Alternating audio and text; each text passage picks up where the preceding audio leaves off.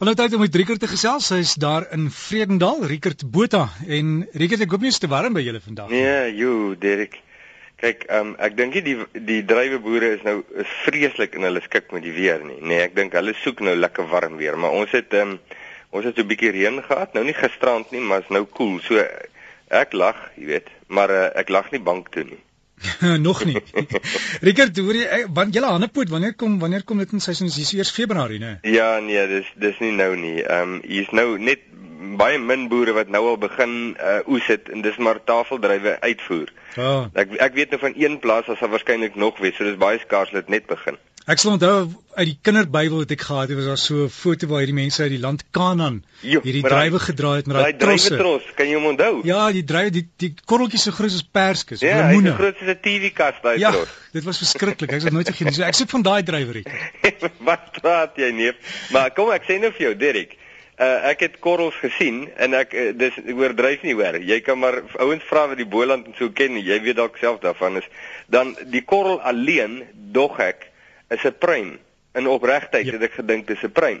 So toe hulle vir my sê dit is nie, dis 'n druiwekorrel, toe kan ek dit nie glo nie want dit is hopeloos te groot. So jy jy kry groot. Hulle is op steroids. Ja, maar Rickert, regtig, ek was al in Egipte gewees en ek het daar op straat van hierdie druiwe gekoop wat hulle hulle is groot. Hulle is amper so helfte van 'n persk, hulle is groot, soos ja, jy nou sê. Jy kan dit nie glo as jy dit sien nie. En dan sit van daai hulle is so soet en hy's geel, maar ag, dis verskriklik lekker. Ja, dit is hy brand jou eintlik jou keel so soet ja. te sê. Maar Rickert, as jy daai goed nou in in 'n proses sit dan kry jy die die wyntjies wat daaruit kom en drank en goed en dan het die mense nou mos hierdie tyd van die jaar 'n vergrype aan hierdie goed en die jong mense dink jy moet mos vergryp tot jy flou word en dan môre kyk jy hoe siek jy kan wees. Ja, ja, ek het 'n um, ek weet nie wat uh, ernste is daar 'n instituut of 'n college of 'n ek weet nie jy weet 'n universiteit long distance learning of iets wat hierdie kennis uitstuur. Jy weet die ouens voel as jy jou kan paralytic drink nee is die woord wat ons gebruik het toe ons jonk was ek weet nie of dit meer werk teenoor maar paralytic jy moet dan ten minste blind wees in een oog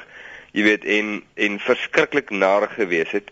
Uh dan was dit 'n fantastiese party Uh nou as jy as jy nigter is en jy kyk daarna, nê, nee, letterlik en figuurlik, dan besef jy maar hoe banaal en weet is hierdie is hierdie hele storie. Um en jy kan nie dink dat goeie gesonde regdenkende mense so dink nie, maar hulle dink so en wat erg is is dat kinders dink so. Hulle het dit ergens geleer. Hulle leer dit maar onder mekaar, maar hulle het dit nog steeds ergens geleer. En ek dink uh dit laat my nou net dink aan 'n pa en seun aand wat ek jare terug by skool bygewoon het.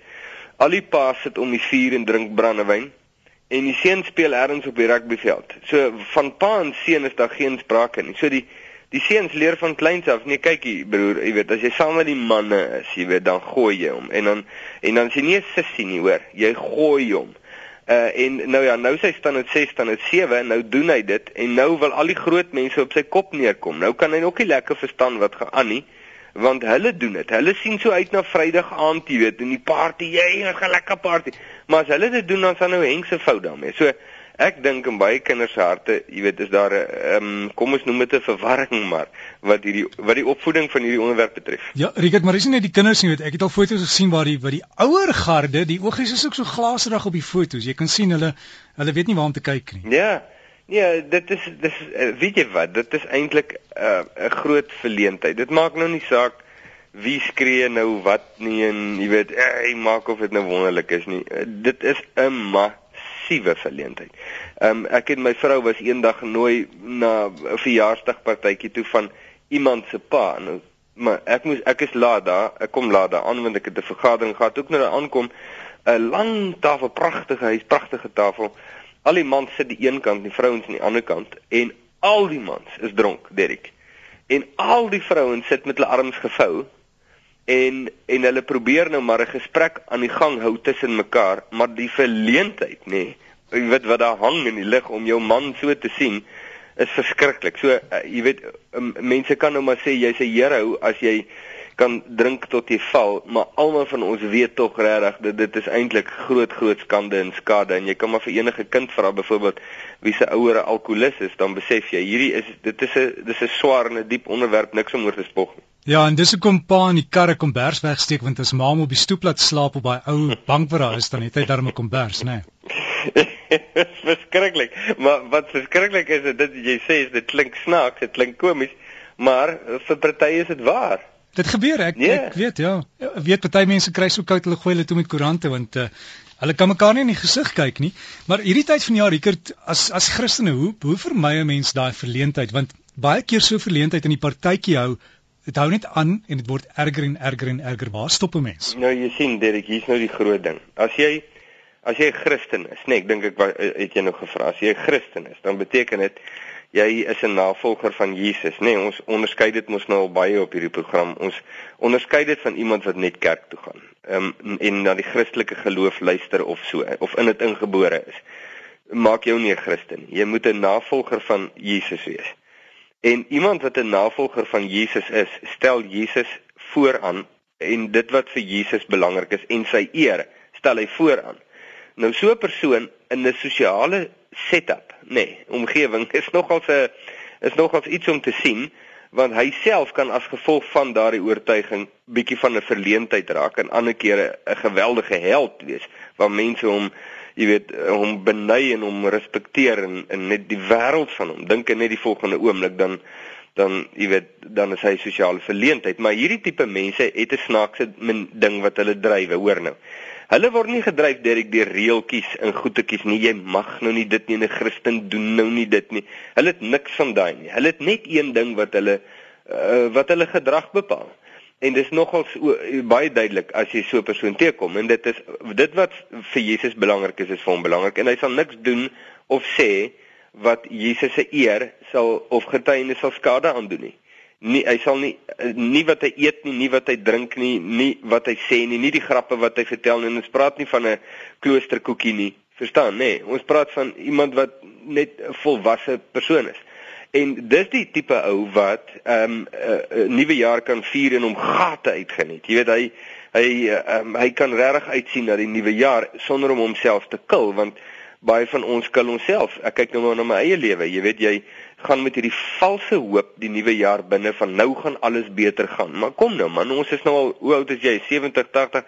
Hoeveel jaar is ons nou al hier op aarde? En ons weet dis nie waar nie. So, jy weet, jy kan met 'n valse hoop in die nuwe jaar ingaan of jy kan met 'n ware hoop die nuwe jaar ingaan. En snaaks genoeg, by hierdie tipe mense is die mense waar jy gewoonlik dit in hulle oë sien. Rigert, wat 'n kloosterkoekie? Nee, 'n kloosterkoekie is 'n sosiale term vir iemand wat um, te preets is vir wat mense dink is reg. O, is dieselfde as 'n tempeltrossie. Seker wat dit. O nee nee, ek het net ek het net gehoor jy gebruik dit, dog ek is nee nee, is nou. Richard, maar dan met die nuwe jaar wat nou voor lê, weet ons ons trek op 2013, ons is nou deur die wêreld wat toe nou nie gestop het nie. Mense moet nou net minder drink, maar ek het gehoor as as 'n mens nou in 'n dronk toestand tot sterwe kom, is jou siel ook dan dronk, gaan jy dan dronk hemel toe? Ehm um, nee, ek weet jy nee, ek weet nie. Jy vra my goeie vraag. nee, ek het wel net gedink, het uh, as jy Kijk, nou daar bo kom en jou tong sleep of jou vlekkies hang op die grond, ek weet nie hoe hmm. gaan dit werk nie dan. Nee, ek kyk jy kry 'n dronk siel, nê. Die mm -hmm. die Bybel sal van 'n dronk siel praat, maar dit is iemand wat beïnvloed is uh, in sy in sy siel. Met hy kan nie reguit dink nie. Hy kan nie en dan is die maatstaf natuurlik God se denke, dit wat God sê. Ja. Nee, ek is nooit die maatstaf vir regheid denke nie. Jy weet so, ehm um, dat dan nie, nie jy weet twyfel daaroor is nie, maar eh, die oomblik wanneer ek ander goed begin dink as wat God dink of met hom begin verskil of stry of in 'n ander rigting ingaan, dan sal die Bybel my beskryf as iemand wat nie nigter is van denke of van hart nie. Dis 'n interessante gedagte. Ja, so jy kry dit.